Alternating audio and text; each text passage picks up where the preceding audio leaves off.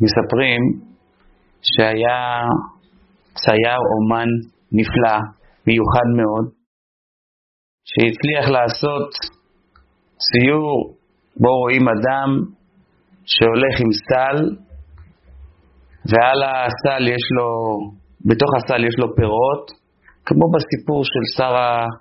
בחלומות של שר המשקים ושר האופים שם. והציור היה כל כך טוב, כל כך יפה, שכשתלו אותו במקום כדי שיראו כולם, אז באה הציפור וניסתה לאכול מהפירות שהיו בתוך הסל.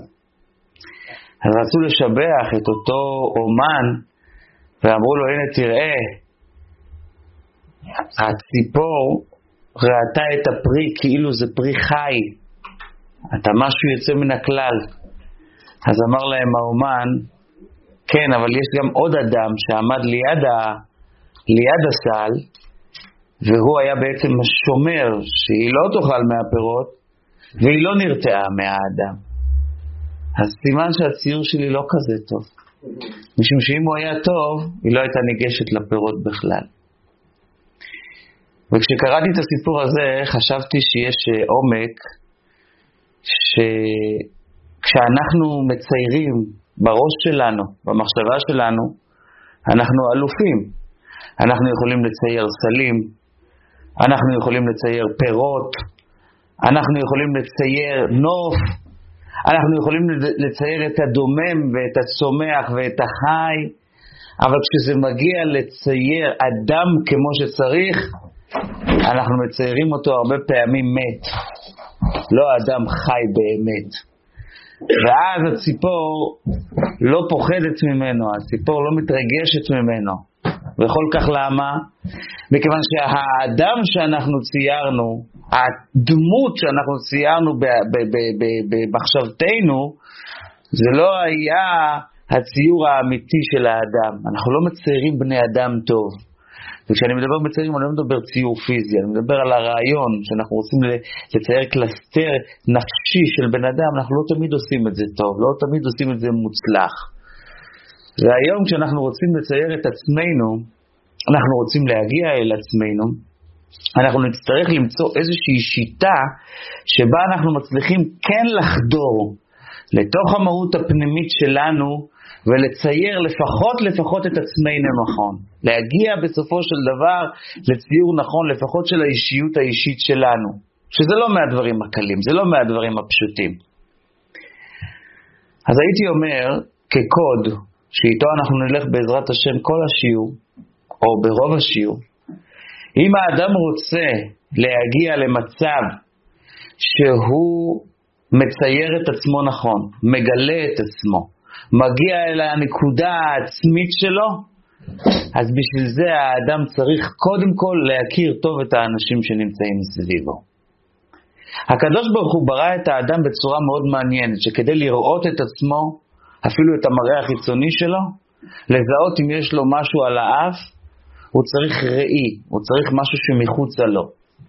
הוא צריך אדם שיספר לו איך הפנים שלו נראות, הוא לא יראה את זה לבד. כלומר, שהקדוש ברוך הוא ברא את האדם בצורה כזאת שהסביבה, האנשים שסביבנו, העולם שסביבנו, הוא זה שנותן לנו את, ה, את המראה הפנימי של עצמנו. וזה לא רק ברובד החיצוני של המראה החיצוני של הפנים, אלא זה גם ברובדים העמוקים מאוד. אנחנו מזהים את עצמנו באמצעות מה שקורה סביבנו. תשימו לב דבר מעניין, שבני אדם מתחתנים, יש להם קשר זוגי, קשר זוגי הוא קשר כזה ש, שהוא לא בנוי, אצל בני האדם בלבד, הוא לא בנוי רק על אקטים מעשיים, אלא הוא בנוי על רגש, על רגש פנימי בין, בין השניים, בין שני בני הזוג. והקדוש ברוך הוא שינה אותנו מכל בעלי החיים. אצל כל בעלי החיים הרגש הזה בא לידי ביטוי רק בדברים מעשיים, אבל לא מעבר לזה, ולכן הם מחליפים את, ה, את הקשרים שלהם על ימין ועל שמאל. רק אצל בני האדם אין את החלופה הזאת של הקשרים. ועוד יותר, ספר החינוך כותב שכשהאדם מתחתן, אומרת לו התורה, נקי יהיה לביתו שנה אחת ושימח את אשתו אשר לקח, מה הטעם העמוק לסיבה שנקי יהיה לביתו, זאת אומרת שיהיה פנוי מכל דבר אחר, כדי שהקשר ביניהם יהיה קשר עמוק יותר. כלומר, כשהבני אדם הם בני אדם, אז, אז הקשר המעשי שלהם הוא קיים, אבל הוא מלווה בהרבה מאוד רגש. וכאשר הבן אדם הוא מתרחק מהאדם שבו ומתקרב יותר אל הבהמה שבו, אז באמת הקשר אצלו הוא רק קשר מעשי, רק קשר טכני, רק אקטים חיצוניים. אז זאת אומרת, שכשהקדוש ברוך הוא ברא אותנו, הוא ברא אותנו בפועל שיהיה בינינו לבין זולתנו, אני הבאתי דוגמה ממערכת נישואים, אבל שיהיה בינינו ובין זולתנו הרבה מאוד הרמוניה, הרבה מאוד קשר, והטעם העמוק שבזה זה כדי שזה אחר כך יבוא אצל הילדים עם חיות מיוחדת שתהיה להם, כמו שמסביר ספר החינוך. אבל בעצם מה שמתגלה לנו כאן זה הנקודה הבסיסית שהאדם הולך ונעשה גדול, האדם הולך ונעשה מובנה מבחינה נפשית של עצמו, כאשר יש לו קשר רגשי עם אנשים מסביב. הם אלה שמגלים אותו, הם אלה שנותנים אותו. וכל כמה שהאדם יהיה גדול וחכם ופיקח, לא יעזור לו מאומה. אם הוא לא יקבל את הפידבקים מהאנשים מסביב, אין לטוב ואין למוטב, הוא לא יצמח. מי לנו גדול מיוסף הצדיק שהיה מנהיג של כל העולם, ואף על פי כן, עד שהאחים לא נתנו לו משוב על החלומות שלו, הוא לא הבין שהם לא כלים לשמוע שהוא עומד להיות שולט עליהם. הם ראו בזה איזושהי גאווה, איזושהי עוצמה, שזה לא לעניין. אז מי גילה את זה ליוסף החכם והמחוקה? מי גילה לו את זה? גילה לו, גילו לו את זה האחים שלו מסביב, התגובות של הסביבה שלו. זאת אומרת שאנחנו לא מסוגלים באמת להכיר את עצמנו ולדעת מה נכון לנו ומה לא נכון נכון לנו, לולי זה שהסביבה מסביב תעמיד אותנו במקום ותיישר אותנו ותשפץ אותנו.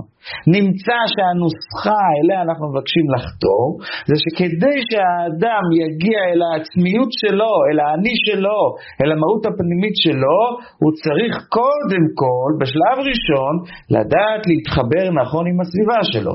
ואז הסביבה שלו תעשה לו את המשוב הנכון, ואז הוא בסוף יגיע גם כן אל עצמו.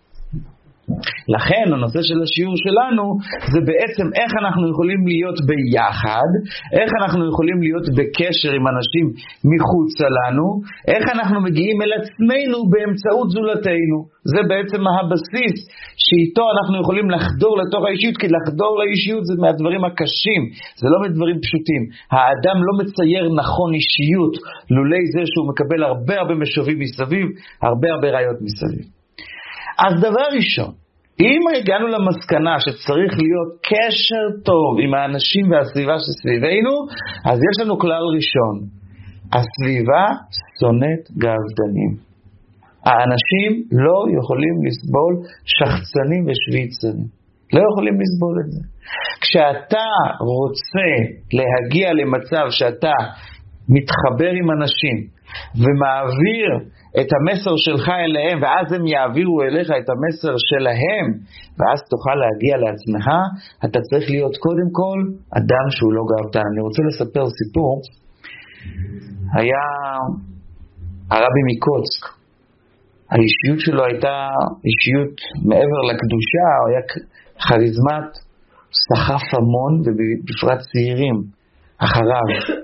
הוא סחף צעירים כאלה, לא רק כאלה שבאו מתוך עולמה של חסידות, אלא גם כאלה שבאו מהעולם שניגד לחסידות, גם אותם הוא הצליח לסחוף בדמות המרשימה שלו, באישיות המיוחדת שלו.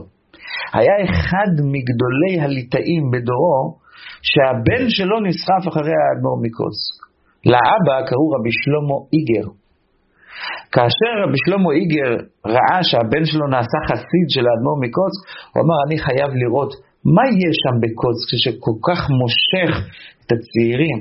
הוא הגיע לבית המדרש בקוצק ככה באמצע היום.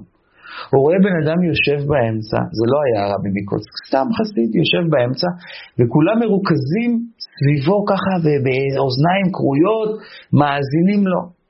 אז הוא מתחיל ככה, כמו אדם ש, שרוצה להבין מה קורה פה, הוא שואל, תגידו, הבן אדם הזה שאתם אה, מתגודדים סביבו הוא אדם עשיר, יש לו איזשהו איזה ערך מוסף של עשירות? אומרים לו לא.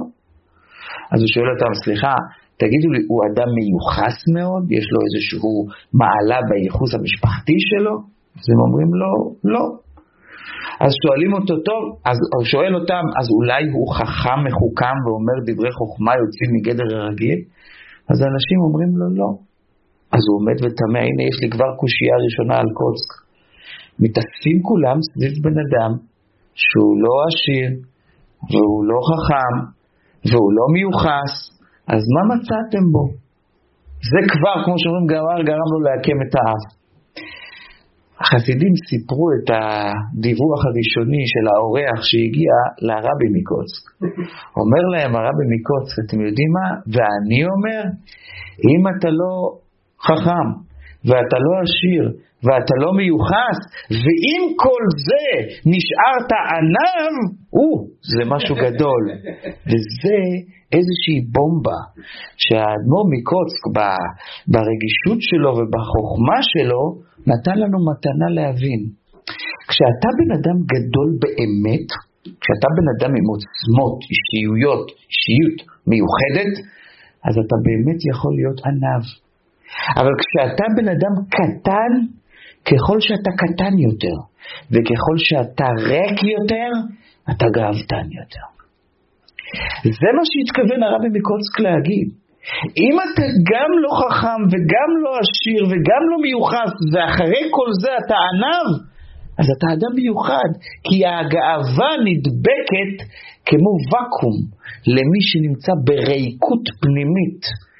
היסטרה בלגינה קישקישקריה, כאשר הקופסה ריקה, היא שואבת את ההיסטרה בלגינה שעושה הרבה רעש, את הגאווה. צאו החוצה, תבדקו, הרעשנים הגדולים זה הריקנים הגדולים. הגאווה וההתפארות והעוצמות האלה הם נמצאים דווקא ככל שאתה לא, אתה לא משהו, אז אתה יותר גאה. החידה אומר את זה בסגנונו הוא, ואני אצטט אותו, בדור היתום הזה לא שייך ענווה, רק להכיר קצת ערכו ומעשיו. מה הוא מתכוון בדור הזה לא שייכת ענווה? רק תכיר קצת שאתה לא כזה גדול. למה? כי אם הדור הזה היה כל כך גדול, אנשים כל כך גדולים, בטח שהייתה שייכת אצלהם ענווה. הענווה שייכת אצל אנשים גדולים. ככל שהאדם הוא קטן יותר, הוא לא יכול לסבול, הוא מרגיש את עצמו יותר, הוא אוהב את עצמו יותר, הוא מחזיק מעצמו יותר, הוא מתגאה יותר על האנשים שנמצאים סביבו. הבני אדם שונאים את הגאוותנים, הם לא מתחברים אליהם והם לא מתקרבים אליהם, ולכן כשאנחנו רוצים להיות באמת חכמים ובאמת גדולים, אז הדבר הראשון שאנחנו צריכים זה להסיר מאיתנו את הגאווה. וזה היה אחד הדברים הראשוניים שמורנו הבעל שם טוב מצא לנכון ללמד את התלמידים שלו, הוא אמר להם, הוא לקח את זה דווקא מפסוק במגילת איכה. שזה מגילה של צער, רוצה לבטאות בזה את הצער הנפשי שקיים אצל בן אדם שהוא גאוותן. זכור השם, אומרת המגילה, מה היה לנו. זכור השם, מה היה לנו. בקבלה וחסידות המילה מה מסמלת את הביטול. כמו שמשה רבינו אמר, ונחנו מה כי תלינו עלינו. מי אנחנו? תנועה של ביטוי. זכור השם, אומר הבעל שם טוב, מה היה לנו, איפה המה שלנו הלך לאיבוד. ישב הבעל שם טוב פעם בקבוצה של תלמידי רחמים, שכל אחד השתחץ יותר בפלפול שלו, בחוכמה שלו, בישות שלו, במעלה שלו, במה שיש בו ובאין אחרים, אז הוא אומר להם את הפירוש הזה, זכור השם, נפול נפלנו, ירד, ירוד ירדנו, לאן הגענו למצב כזה, שהמה שבנפש, הביטול שבנפש, נעלם.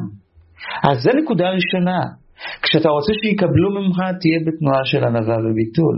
אתה רוצה שתוכל לקבל מאחרים, שהם יחשפו בפניך את מה שהם חושבים עליך, מה שהם יכולים לתת לך כדי שתגיע בסוף לעצמך, אז אל תהיה גאוותן, כי מהגאוותן בורחים, לגאוותן לא מגלים. אז זה יסוד ראשון, זו נקודה ראשונה, כדי שהקשרים שלנו עם הזולת יהיו קשרים נכונים.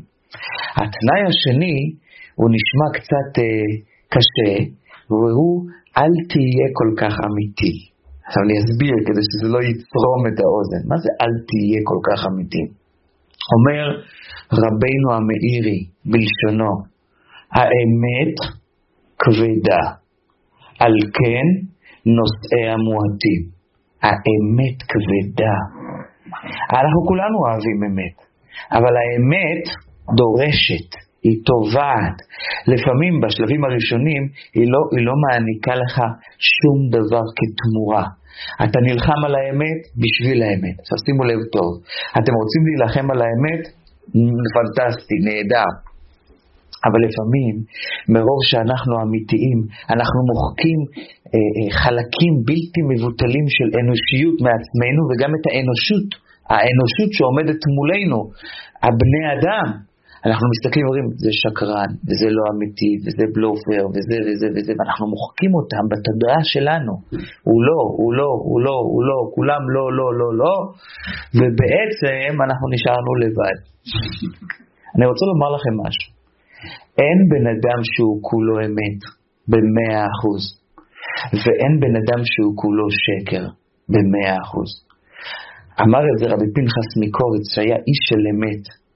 נכנס אליו פעם אחד התלמידים שלו ואומר לו, רבי, אני מרגיש שאני שקרן. תן לי, שקרן, תן לי עצה, מה אני עושה? אני מרגיש שקרן, מה אני עושה עם זה? ואז אותו אחד ככה עומד ליד השולחן ואומר, רבה, גם כשאני עומד לפניך ואני אומר לך שאני שקרן, אני גם לא אומר את זה כל כך באמת. גם, גם התלונה שלי על השקר, אני מרגיש שהיא מלווה עם עוד כמה דברים שנוגעים בזה, עוד כמה נגיעות שאני בגלל זה אומר את זה. זה לא שבאמת מפריע לי האמת. אז הוא חושב עוד רגע ואומר, רבה, וגם כשאני מתלונן על התלונה, זה גם לא לגמרי אמת. אני גם משהו כזה שקרן כזה באמצע. ואז הוא נכנס, כמו שאומרים, חופר בתוך עצמו, ואומר גם זה וגם זה וגם זה, ועד שהוא יתעלף. ואז מהר הרבי הזעיק עזרה, ושפכו עליו מים, והוציאו אותו החוצה, ואז הרבי אומר, ואני רוצה לומר לכם, שגם זה שהוא התעלף, זה לא היה לגמרי באמת. אתם יודעים למה? מפני שבאמת האדם לא יכול לחיות במאה אחוזים אמת. העולם הזה זה עולם השקר. אני לא מטיף לשקר. חס וחלילה. אנחנו נשאף להגיע לכל נקודה שאפשרית באישיות שלנו של האמת. אבל כשאנחנו מודדים אנשים אחרים, תדעו לכם, אתם לא מאה אחוז אמת, יש לכם נקודות שיכולות להשתפץ. האנשים שעומדים מולכם הם גם כן לא מאה אחוז אמת, יש להם נקודות שהם יכולים לשפץ. אבל אתם יכולים לקבל מהם נקודות אמת שכן יש להם. זאת אומרת, אין מצב שיהיה בן אדם שלא יהיה לו איזושהי נקודת אמת שאתה יכול ללמוד אותה ממנו. לכן, אם אנחנו רוצים באמת להתחבר עם בני אדם, לתקן אותם ולהתתקן באמצעותם, ולגלות את האני העצמי שלנו, אנחנו חייבים להפסיק לחפש את השקר שבבני האדם. לזכור תמיד שהאמת היא כבדה, נושאי המועטים. בכל בן אדם יש קצת אמת. אנחנו ננסה לשאוב, להוציא ולהחדיר לתוך אישיותנו את נקודת האמת של האדם שעומד מולנו, אבל אנחנו לא נמחוק אותו. במאה אחוז, בגלל שראינו בו אחוזים מסוימים של שקר, גדולים או קטנים, עדיין יש בו איכות שאנחנו יכולים לספוג ולהכיל אותה לתוכנו. אז זו הנקודה השנייה.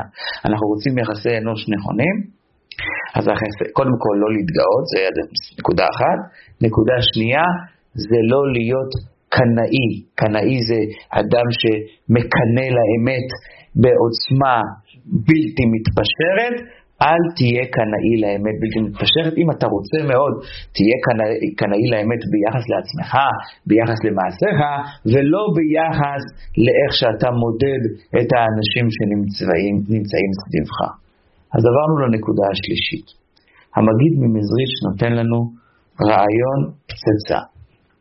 הוא אומר, תשמעו, העולם היה בנוי, התחיל העולם, והעולם הגדול הוא כזה, ולכן גם האדם, העולם הקטן שבלב האדם הוא גם כן כזה, האדם בנוי מקנאה, תאווה וכבוד. מאיפה זה בא לו? מערש הבריאה.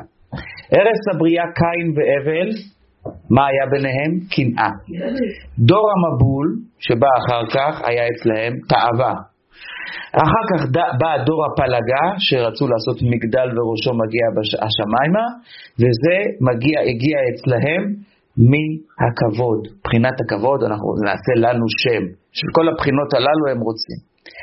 אז מוריי ורבותיי, האדם בתוכו יש קנאה ויש תאווה ויש כבוד. הקנאה, חוץ מכבודנו, כבוד האישיות שלנו, הקנאה מגיעה, הקנאה והתאווה מגיעות מהאבא והאימא שלנו. הכבוד מגיע מהשותף השלישי. התאווה באה מהאבא, לכן אומרים קנאה, תאווה. תראו ילד קטן, הוא רואה את המכונית של החבר שלו. תאווה, עדיין תאווה במובן הפיזי של העניין, אין לו תאווה עדיין, אין לו יצרים מיניים, לא שייך אצלו, ילד קטן, אבל יש לו קנאה כבר מיד שהוא נולד. הקנאה, זה הוא קיבל מהאימא, זה שהוא קטן כבר. תאווה, הוא קצת מתבגר, היא נכנסת בו מהאבא. כבוד, זה מלווה אותו בעיקר בהמשך של החיים, ככל שהוא מתבגר יותר, והקנאה עוזבת אותו, והתאווה עוזבת אותו, אז הכבוד נשאר חזק, וזה הכי קשה להסיר אותו, מפני שזה קיבלנו מהאינסוף של הקדוש ברוך הוא, מלוא כל הארץ כבודו של הקדוש ברוך הוא, והוא הכניס בנו את הרצון לכבוד. זה נשאר גן, גנים אלוקיים שנכנסו בנו. כמובן שאנחנו צריכים לתקן את הצד השלילי של הכבוד, את הצד השלילי של התאווה ואת הצד השלילי של הקנאה. אבל זה שלושת הדברים שהם היו בערש הבריאה, והם נמצאים בעולם הגדול, והם נמצאים בתוך העולם הקטן של האדם. מה אומר התנא במשנה? ששלושת הדברים הללו מוציאים את האדם מן העולם. אז בפשט העולם, מה זה העולם? מוציא אותך מרוב קנאה ותאווה וכבוד, בן אדם מת. אבל החסידות, החסידים יותר נכון, הם לוקחים את המילה עולם והם משתמשים בה בהגעה האידית שלה, ביידיש, אוילם. אוילם זה לא הביטוי של עולם, כדור הארץ, גלובוס, קוסמוס, לא. אוילם זה הבני אדם. קנאה, תאווה וכבוד מוציאים אותנו מהאוילם, מוציאים אותנו מהעולם, מהעולם האנושי.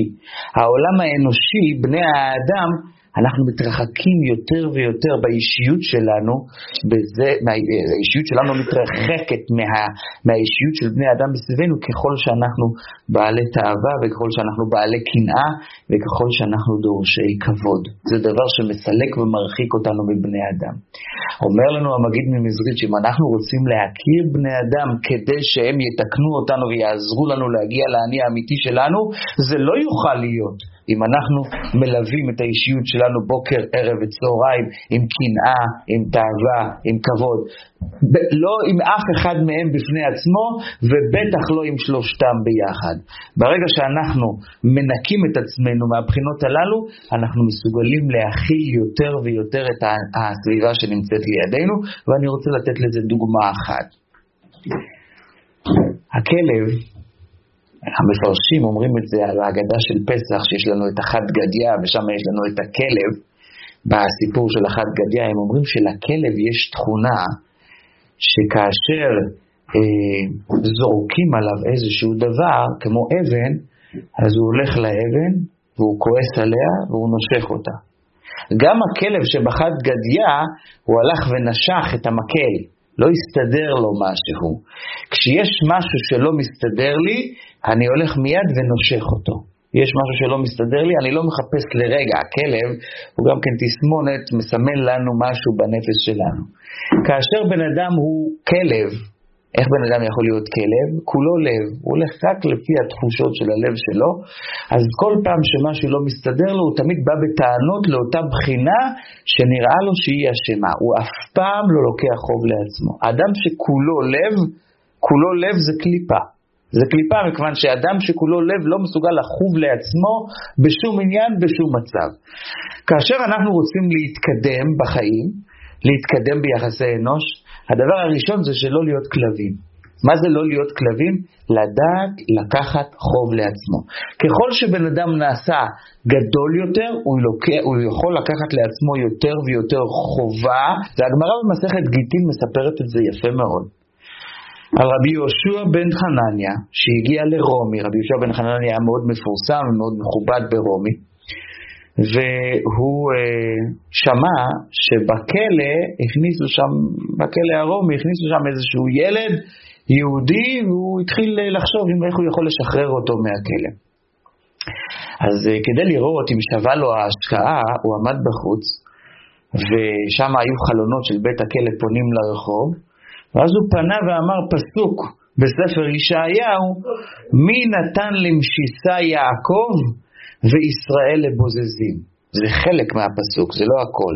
מי נתן למשיסה יעקב וישראל לבוזזים, זה עם סימן שאלה בסוף. מי נתן את זה לעם ישראל שהם יהיו כל כך נמוכים תחת המלכות הזאת אה, של רומי, זה כמו שאנחנו אומרים בלכה דודי, והיו משיסה שוסייך, אלה ש, ש, שמצרים לך, מעיקים עלייך. אז הוא אומר, מי עשה את זה? הילד שמע את הפסוק, ואז באותם הימים כולם למדו את התנ"ך, ידעו אותו מתחילתו ועד סופו בעל פה, זו הייתה צורת הלימוד, זה ככה ככה היו מתקדמים. אז הוא ממשיך בעל פה את הפסוק מהחלון של בית הכלא, הלא השם, הלא, הלא זו השם חטאנו לו ולא הלכנו בדרכיו, ולא אהבו בדרכיו הלא. כאילו, הילד עונה, מי עשה את זה? הקדוש ברוך הוא עשה את זה. ולמה הוא עשה את זה? כי לא הלכנו בדרכיו, לכן הוא עשה לנו את זה, שיהיה לנו מצרים ומעיקים.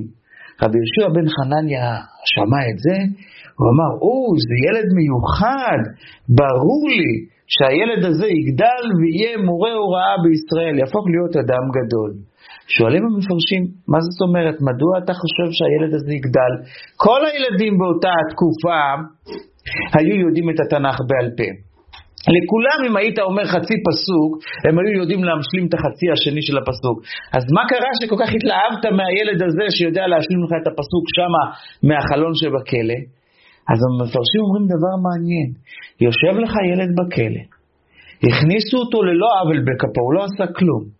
הוא, הוא מרגיש על בשרו את ידם הקשה של הרומאים, הוא מרגיש מה זה סבל, וסבל בצורה כזאת שאני לא אשם ואני נמצא שם, זה מזכיר את יוסף הצדיק. ובעם כל זה, כששואלים אותו מי אשם, הוא לא מחפש אשמים אחרים, הוא אומר, זה השם, זה אנחנו חטאנו, לכם השם עשה לנו את זה. הוא לוקח חובה לעצמו.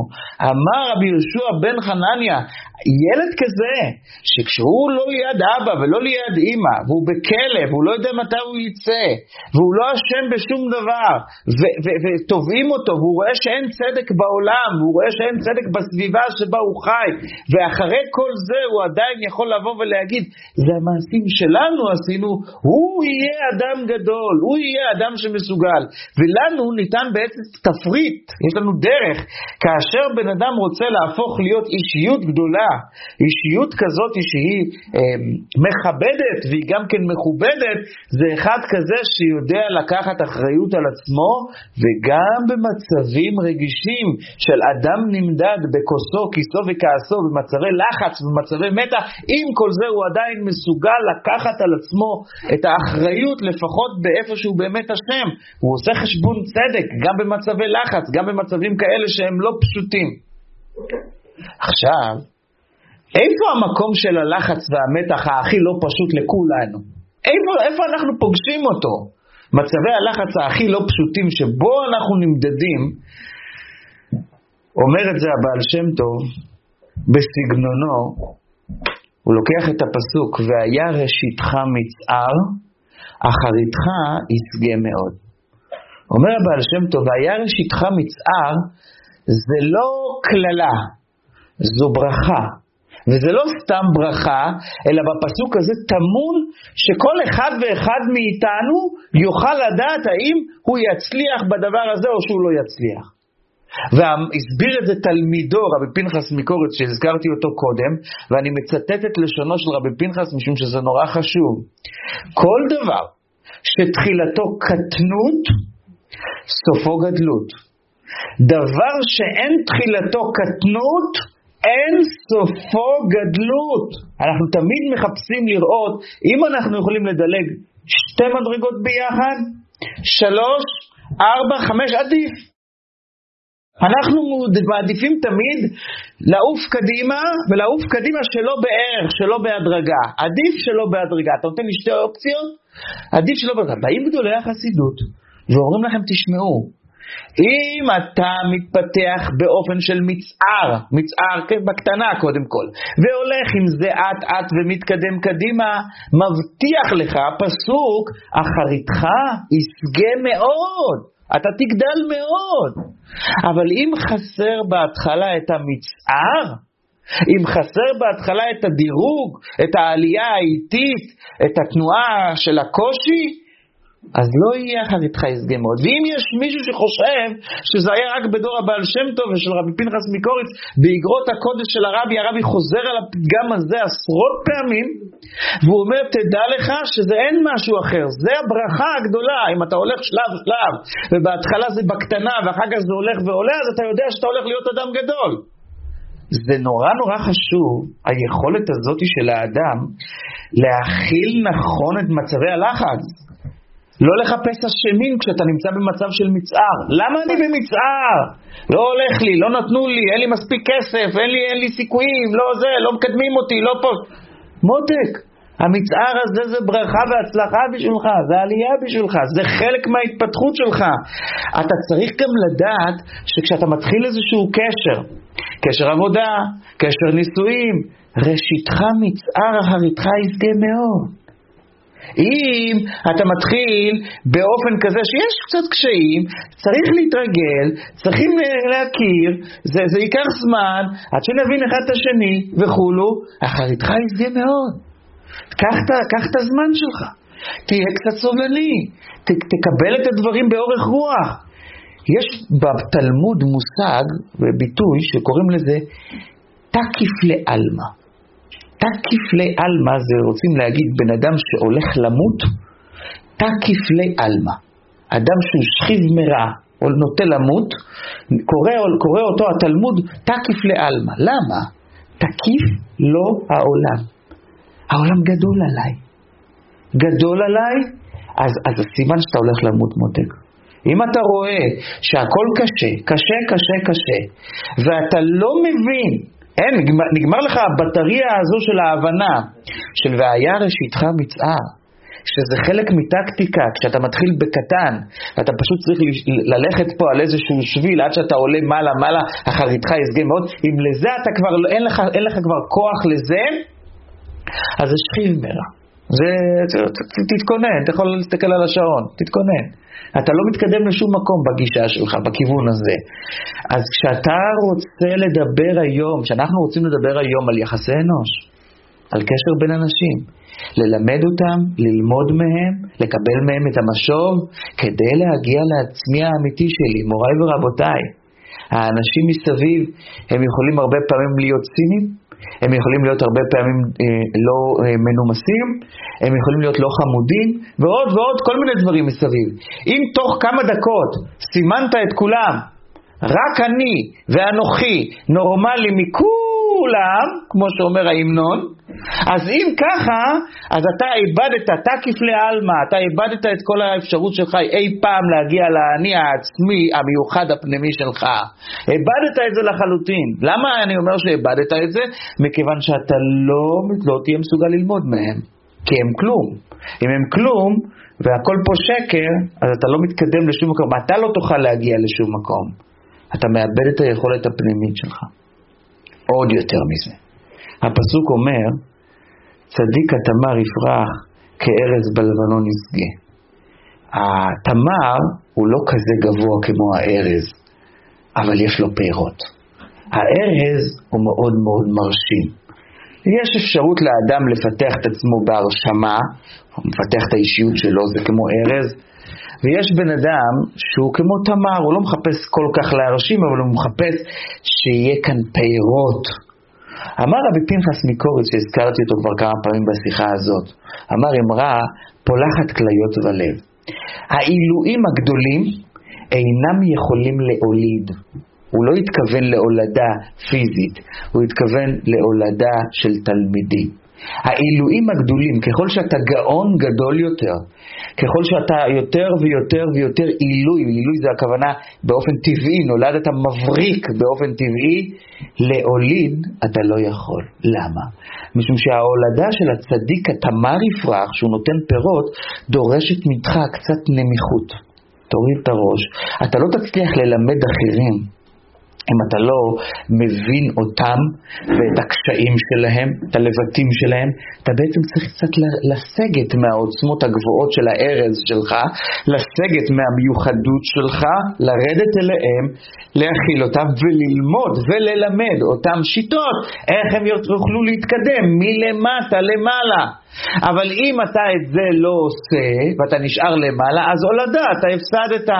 עכשיו אנחנו מגיעים לסוד הכי גדול, שאומר אותו הרבי רייץ, בשם הרבי המהר"ש, על הבעל שם טוב. והוא אומר, תדעו לכם, לכל דור, לכל תקופה, לכל תקופה בעולם, בחיים, יש את ה-DNA של ההצלחה שלה. היה תקופות שאם אתה היית רוצה להצליח, אתה היית צריך הרבה לצום.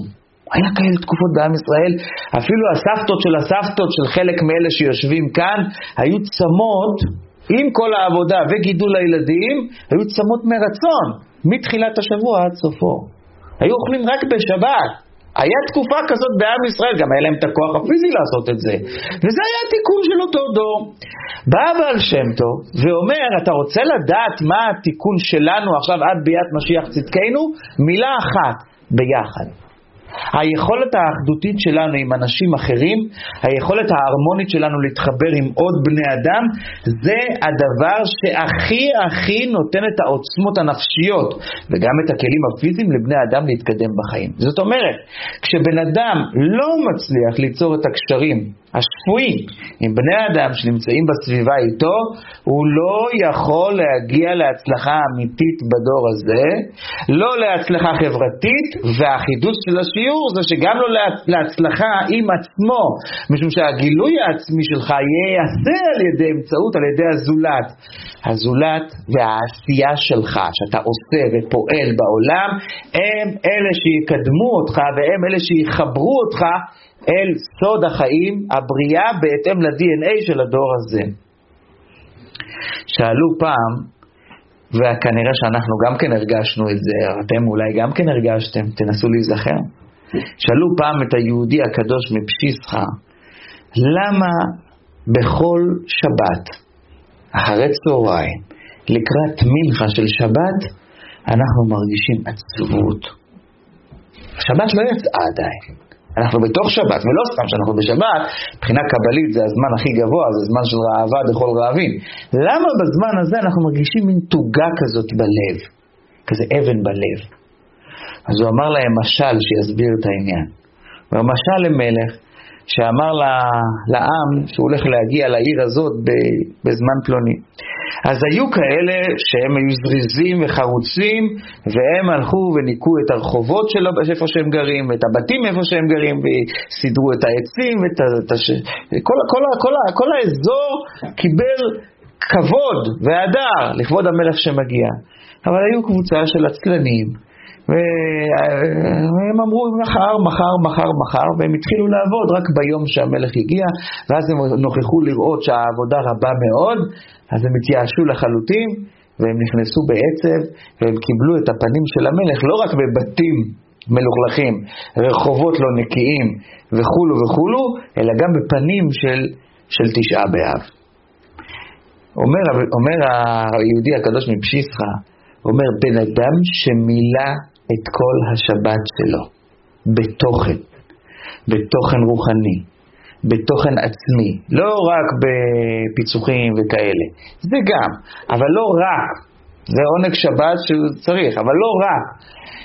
מילה התאים גם כן את הנפש, שהעיקר העניין של השבת זה לא הטענת הגוף אלא הטענת הנפש.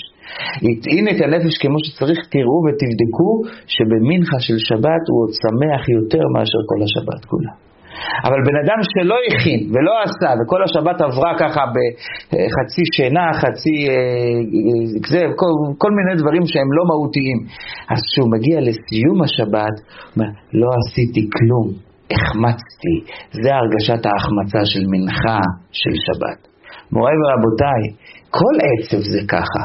כל פעם שהאדם מרגיש עצבות, זה מפני שהוא לא עשה מספיק. ככל שהאדם גדול יותר, ככל שהאדם הוא רוחני יותר, ככל שהאדם הוא אה, אה, אישיות יותר, הוא יודע לקחת את הדברים הכי, את הכוחות הכי מיוחדים שיש לו, ולהשקיע אותם בעשייה, ולא סתם בעשייה, בעשייה עם הזולת, ואני רוצה לספר לכם סיפור שאני ראיתי מול עיניי בן אדם שאנחנו יכולים לדבר אולי גבוהה גבוהה, אבל יש אנשים שמממשים את זה בפועל ממש. יש מצוות השבת אבדה, אבל יש פעמים, אלו מציאות שלו, אנחנו גרים פה בסמטה, ליד סמטת אילו מציאות. אלו מציאות שלו ואילו, מציא, ואילו הוא חייב להכריז. ישנם דברים כאלה שהאדם לא צריך להכריז עליהם, כמו דברים שאין עליהם סימן, כמו כסף ברשות הרבים. זה לא דבר שאתה יכול, אה, גם המעבד לא יכול להוכיח שזה באמת עבד ממנו. אה, כשעוברים מלא אנשים, הוא מתייאש, כי הוא יודע שיש אנשים שמכניסים לכיס, וכיוצא בזה, אתה לא צריך להכריז. חבר מצא שטר של 200 שקל במקום שלא צריך להכריז. אני רואה אותו לוקח את השטר הזה, הולך לקופת צדקה, ככה נעולה כמו שצריך, מכניס את זה פנימה. אני שואל אותו, למה אתה עושה את זה? אז הוא אומר לי רעיון שאני לא חשבתי עליו, מודה ומתוודה. הוא אומר לי, תראה, כשאני עובד למשל בעבודה, עובד, אתה יודע, יעקב אבינו לימד אותנו שצריך לעבוד כי בכל כוחי עבדתי את אביכם. צריך לעבוד עם כל הכוח. זה אי אפשר קצת קפה, קצת פוטה, קצת טלפונים, קצת זה, זה, זה, זה שקר. זה, אתה, אתה רמאי, אתה לא, אתה... אבל זאת אומרת, תראה, אנחנו עובדים, אבל לפעמים אנחנו עובדים בעיניים גם כן. אני לא יודע אם הכסף שאני מקבל שם מהעבודה הוא כסף נקי לחלוטין. השטר הזה, זה שטר שהקדוש ברוך הוא בהשגחה פרטית הביא לידיי. זה אבדה ברשות הרבים, לא צריך להכריז, גם אין אפשרות להכריז, אין למי, אין אפשרות לדעת שזה הבעלים. עוברים לפה מאות, אלפים של אנשים ביום, אין מצב. אני לא יכול לדעת שאני מחזיר את זה לבן אדם הנכון. זאת אומרת שההשגחה הפרטית הביאה לי את השטר הזה, זאת אומרת שזה מאה אחוז שטר שאלוקים בהשגחה הפרטית שלח אליי. אז אם קיבלתי מהקדוש ברוך הוא כסף נקי כזה, אני לא ארוץ ואשים אותו בצדקה לזולת. עד שיש לי כבר שטר של 200 שקל שיודע תעלומות יכול להעיד עליו שהוא נקי מבחינתי. כי אני לא, לא, אני לא עשיתי כלום בשביל למצוא אותו. אני לא שלחתי יד ברכוש של אף אחד זה כזה נקי. נותן. אני נהניתי מהיכולת, אין כזה הלכה.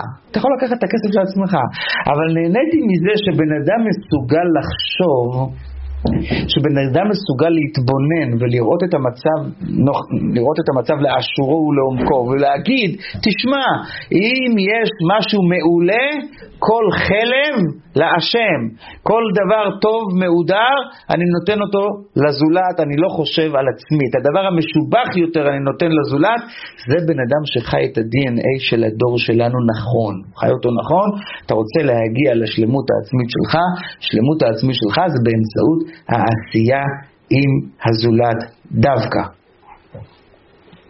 אם אנחנו רוצים לעשות מבחן פתע ולדעת האם אנחנו נמצאים במצב של, אה, של אה, אמת פנימית, אנחנו חיים עם עצמנו נכון, הנקודה העצמית שלנו גלויה, כן או לא, אז יש וורד חסידי שאומר ככה, אנשים הקרובים לאמת, יש אהבה ביניהם, כי הם מעולם האחדות והם כולם כאחד. ככל שאתה קרוב יותר לאמת, לאמת הפנימית שלך, לאמת העצמית שלך, אתה נמצא בתנועה של אחדות והרמוניה. זה בעצם סיכום של כל מה שדיברנו עד עכשיו. כדי להגיע לנקודת האמת אתה חייב להיות, אתה מקבל אותה. ההשראה אליה זה באמצעות הביחד. אז לא יכול להיות שיש לך גילוי אמיתי בתוכך, וזה לא בא גם כן בתנועה של ביחד עם אנשים אחרים. אחד המזכירים האישיים של הרבי מספר שבאחת ההזדמנויות הרבי ביקש ממנו, תרים טלפון לבן אדם הזה, וזה היה ליד הרבי, הרבי אמר, תרים לו טלפון עכשיו, צריך לדעת דחוף. אז הוא הרים את הטלפון, הוא מרים את הטלפון, מחייג, אה, הלו, רב זלמן, אה, זה וזה, זה ככה, זה ככה, זה פה ושם. הרבי שתק, הוא הוריד את הטלפון. הוא אומר, תגיד לי, ככה מדברים לבן אדם בטלפון? אני לא חושב שהרבה קיבלו חינוך איך לדבר בטלפון מהרבי, לא הרבה קיבלו הדרכה כזאת.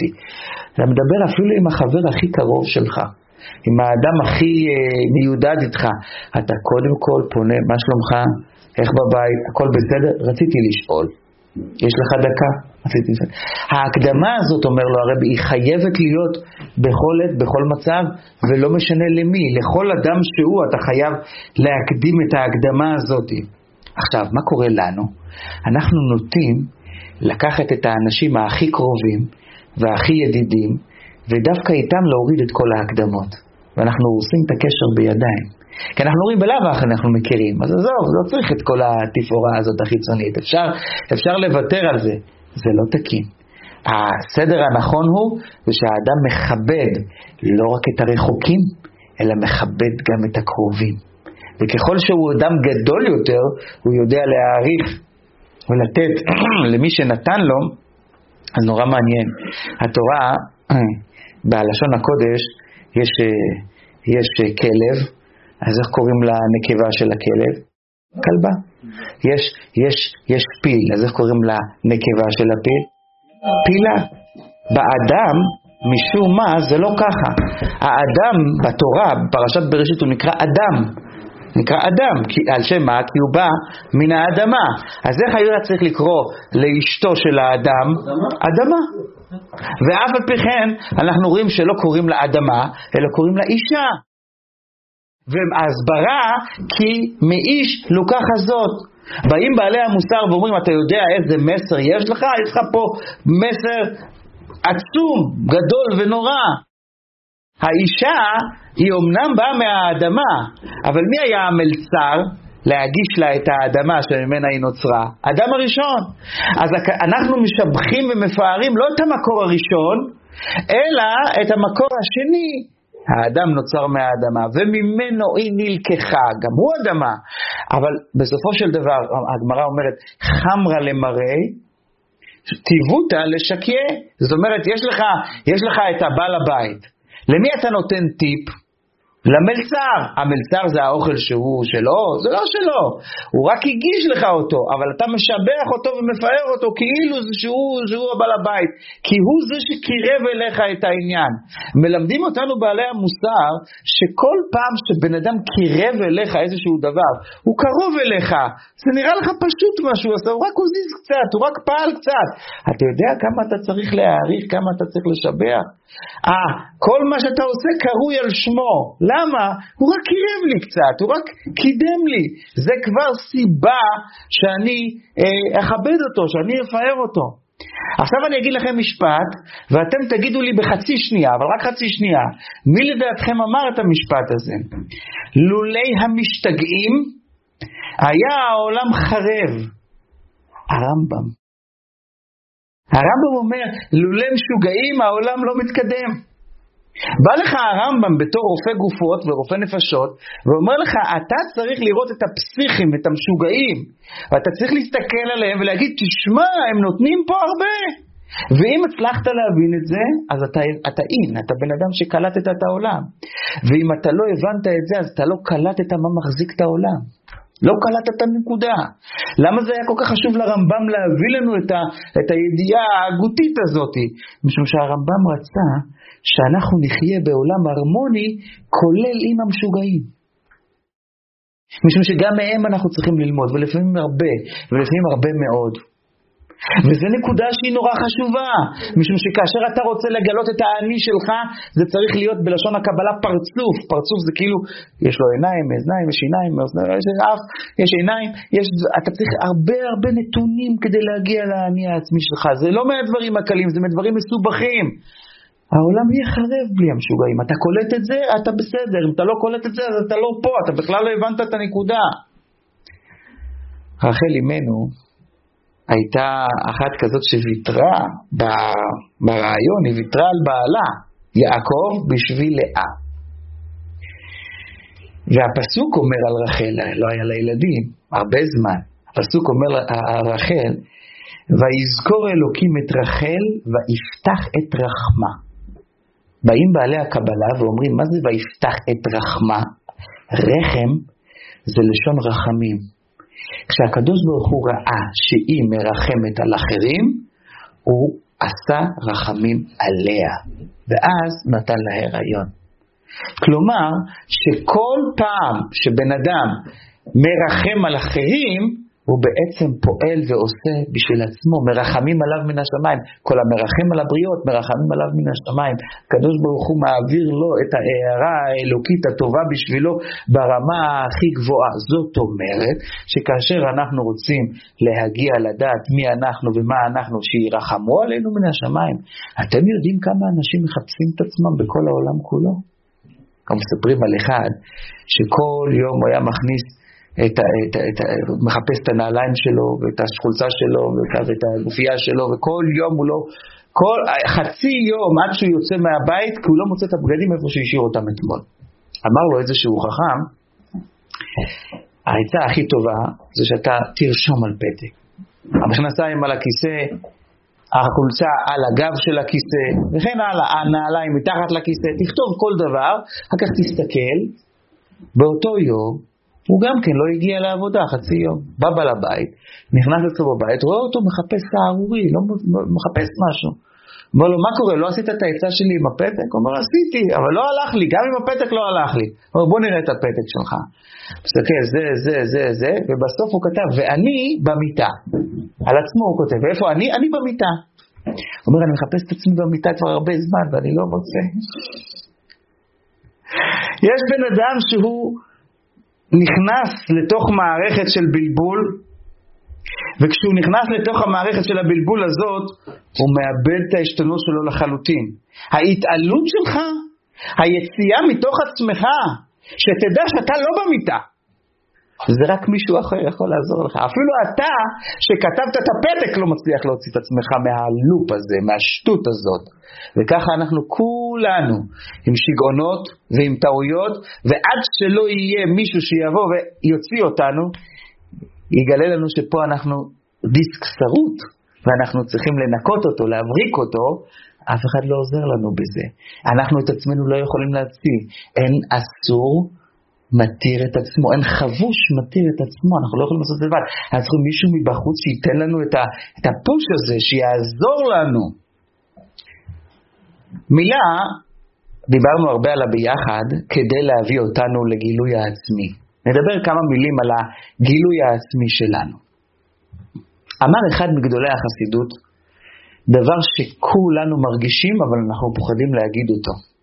אנחנו כאילו בורחים מזה, לא אוהבים את זה. הוא אומר ככה, נכון, אתה צריך לקבל מהזולת, נכון, אבל מה השלב הבא? גילוי העצמי שלי, מה השלב הבא?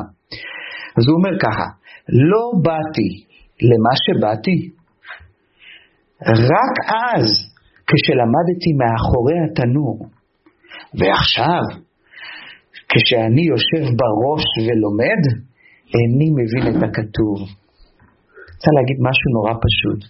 היכולת של האדם להתרכז בתוך עצמו, כמובן בעזרת הזולת, אבל כשהוא נמצא במצב של צנוע, צניעות וענווה, לא במצב של, איך אומרים, אה, אה, פרסומת גדולה, רעש גדול סביבך, מוכר, היום אצל האנשים הדבר הכי, כמה אנשים מכירים אותו בעולם, יש לו ככה וככה צופים שאוהבים לשמוע את השירים שלו, את הלייקים שלו ואת הזה שלו, וזה, ככה זה היום נתפס.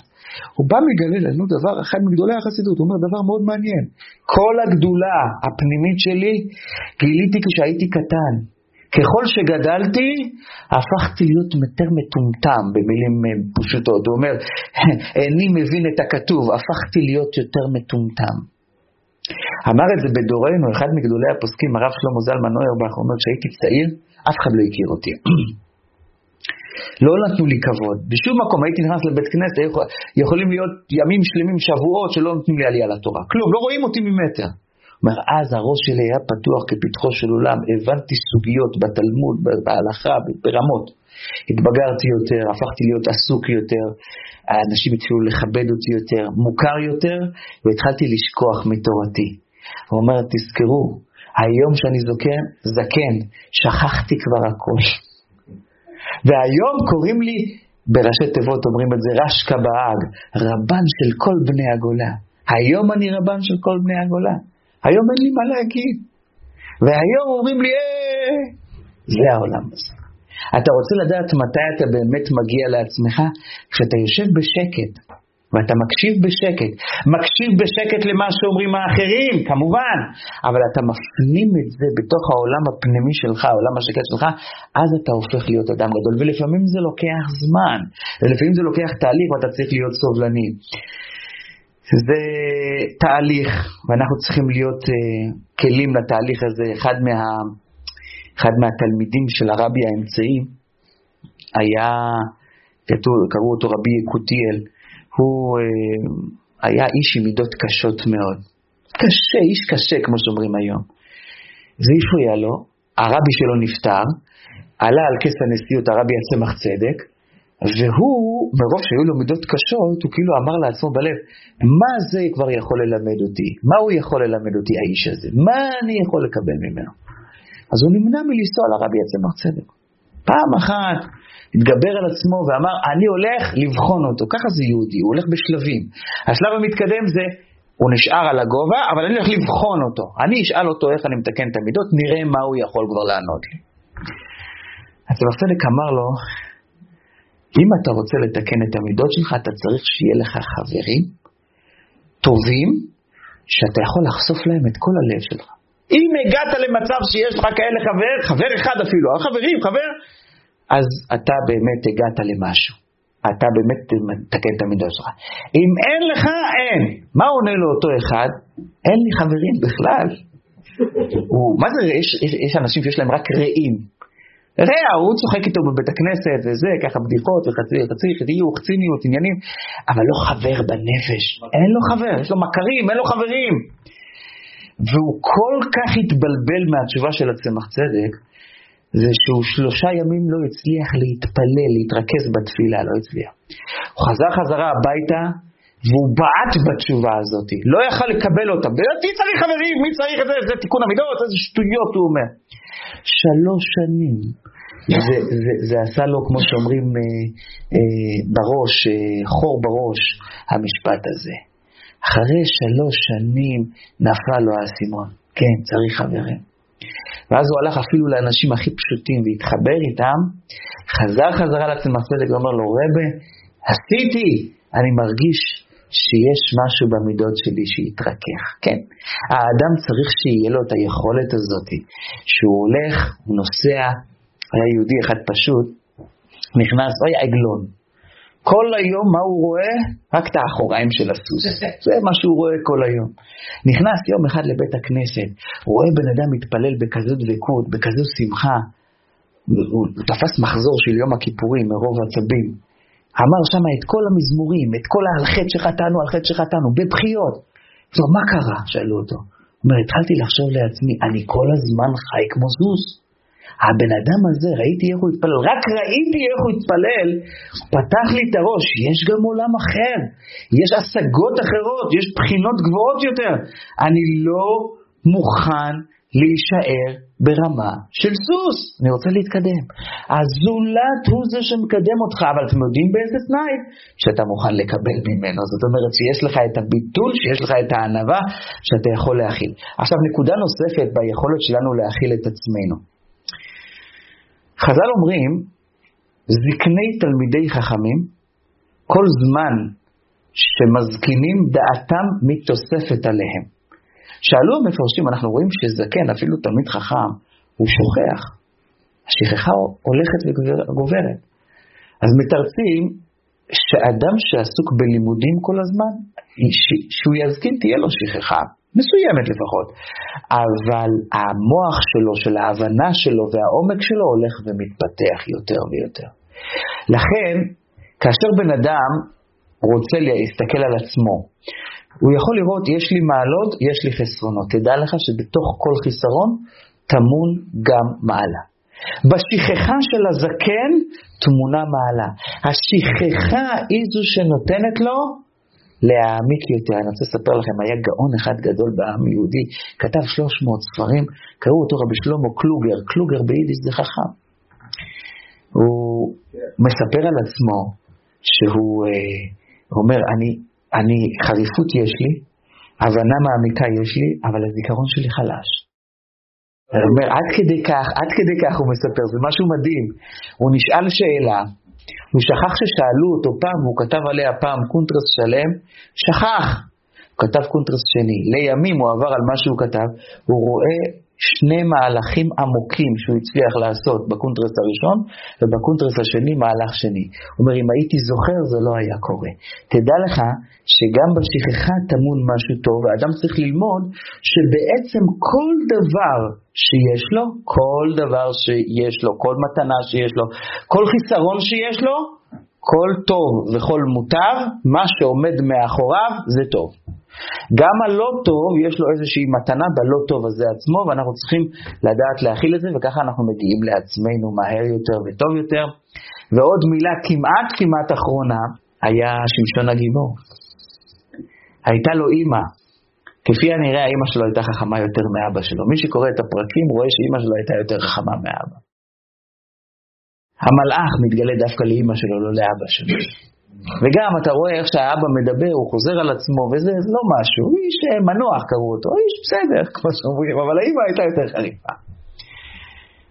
האימא הזאת קיבלה הוראה מהמלאך לפני הלידה של הבן שלה, הייתה הכרה, קיבלה הודעה מראש, הולך להיוולד לך ילד, והוא צריך להיות נזיר, והוא לא ישתה יין, הוא אומר לה מה, מה, איך, איך לנהוג עם הילד, אבל הוא גם כן אומר לה שהיא לא תשתה יין כל ההיריון שלו. זה מורי ורבותיי, אין דבר כזה. אין חיה כזאת, כאילו בתורה נזיר, גם בתיאוריה, לא יכול להיות שאימא שלו גם כן אסור לה. אז המפרשים שואלים, מה קרה פה שגם לאימא שלו אסור? אז המפרשים אומרים, תראו, כשאתה רוצה להוציא ילד ככה צ'לה פלא, בסדר, לא נורא.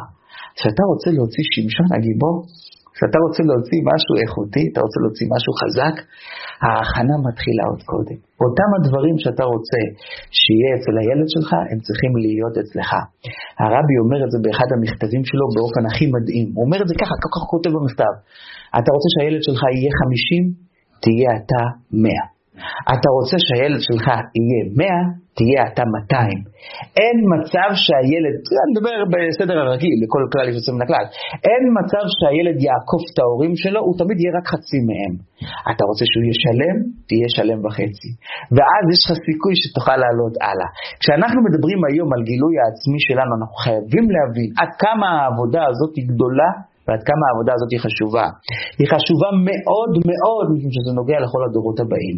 ככל שאנחנו נגלה את עצמנו טוב יותר וחזק יותר, אז אנחנו בעצם מביאים את הילדים שלנו שיתחילו את המרוץ שלהם בחיים ברף גבוה יותר, עוצמתי יותר וחזק יותר. ואי אפשר בלי מילה אחת שקשורה לתזונה גם כן, אוכל. מה ההבדל בין האדם לבעלי החיים? האדם אוכל, בעלי החיים, אני מדבר על הטרופים. מה ההבדל בין אכילה לטריפה? זה לא רק המהירות של האכילה, לאו דווקא. זה טריפה, אין לזה זמן. הוא ראה את הארנבת עכשיו, האריה, הוא ייקח אותה עכשיו. הוא תפס את הקורי עכביש עכשיו, אז עכשיו הוא ייקח את הקורי עכביש. הכל לפי, אין הזמנה מראש, אין סדר זמנים. האדם חייב שיהיה לו סדר זמנים באכילה שלו, סדר זמנים כמה אתה אוכל, כמה זמן אתה אוכל, ובדיוק באיזה שעה אתה אוכל. ואז אתה בן אדם. ככל שאתה קרוב יותר לבהמה, אז איך אומרים? אני חוטף תוך כדי. בהמה חוטפת תוך כדי, חיה חוטפת תוך כדי. כשאתה רוצה לגלות את האני העצמי שלך, תדע לך שזה מתחיל כאן. אם אתה רוצה לגלות את הבהמה שלך, תמשיך לחטוף. אם אתה רוצה לגלות את האדם שלך, תכניס סדר ומשטר בתוך זמני האכילה שלך, זה א' ב'. אם אתה עושה את זה, אתה מגיע למשהו, אתה לא עושה את זה, אתה לא מגיע לכלום. מוריי ורבותיי, אני רוצה לסכם ולומר סיום. הזיהוי האנושי זה לא דבר פשוט לזהות את האני העצמי שלי. גם יוסף הצדיק, היה לו קשה עד שלא לימדו אותו אנשים מבחוץ ולכן אנחנו צריכים להיות הרבה ביחד עם הזולת כדי שיעמיד אותנו במקום הנכון. מהם התנאים שאנחנו, מהם הכללים שאנחנו יכולים להיות ביחד בהצלחה? לא להתגאות, לא להיות אדם ריקני ששואב את הגאווה לתוכו, לא להיות אדם של קנאה של גבורות, זאת אומרת שהוא קפדן מאוד על הזולת, מחפש את האמת יותר מדי, צריך להתרחק מתאוות, קנאה, תאווה, כבוד, שהם הדברים שמפרידים אותנו מהעולם ומהאוילום, עם כל הפירושים, ולקחת אחריות. לא סתם לנבוח כמו כלב על האבן שזו נזרקה עלינו, אלא לחפש מה אני יכול לתקן, להיעזר בסבלנות, לא תמיד הדברים מגיעים במהירות שאנחנו רוצים, יש תהליכים, גם בני אדם משתנים בתהליך, זה לא קורה במהר, יש לנו את הסבלנות בשביל זה.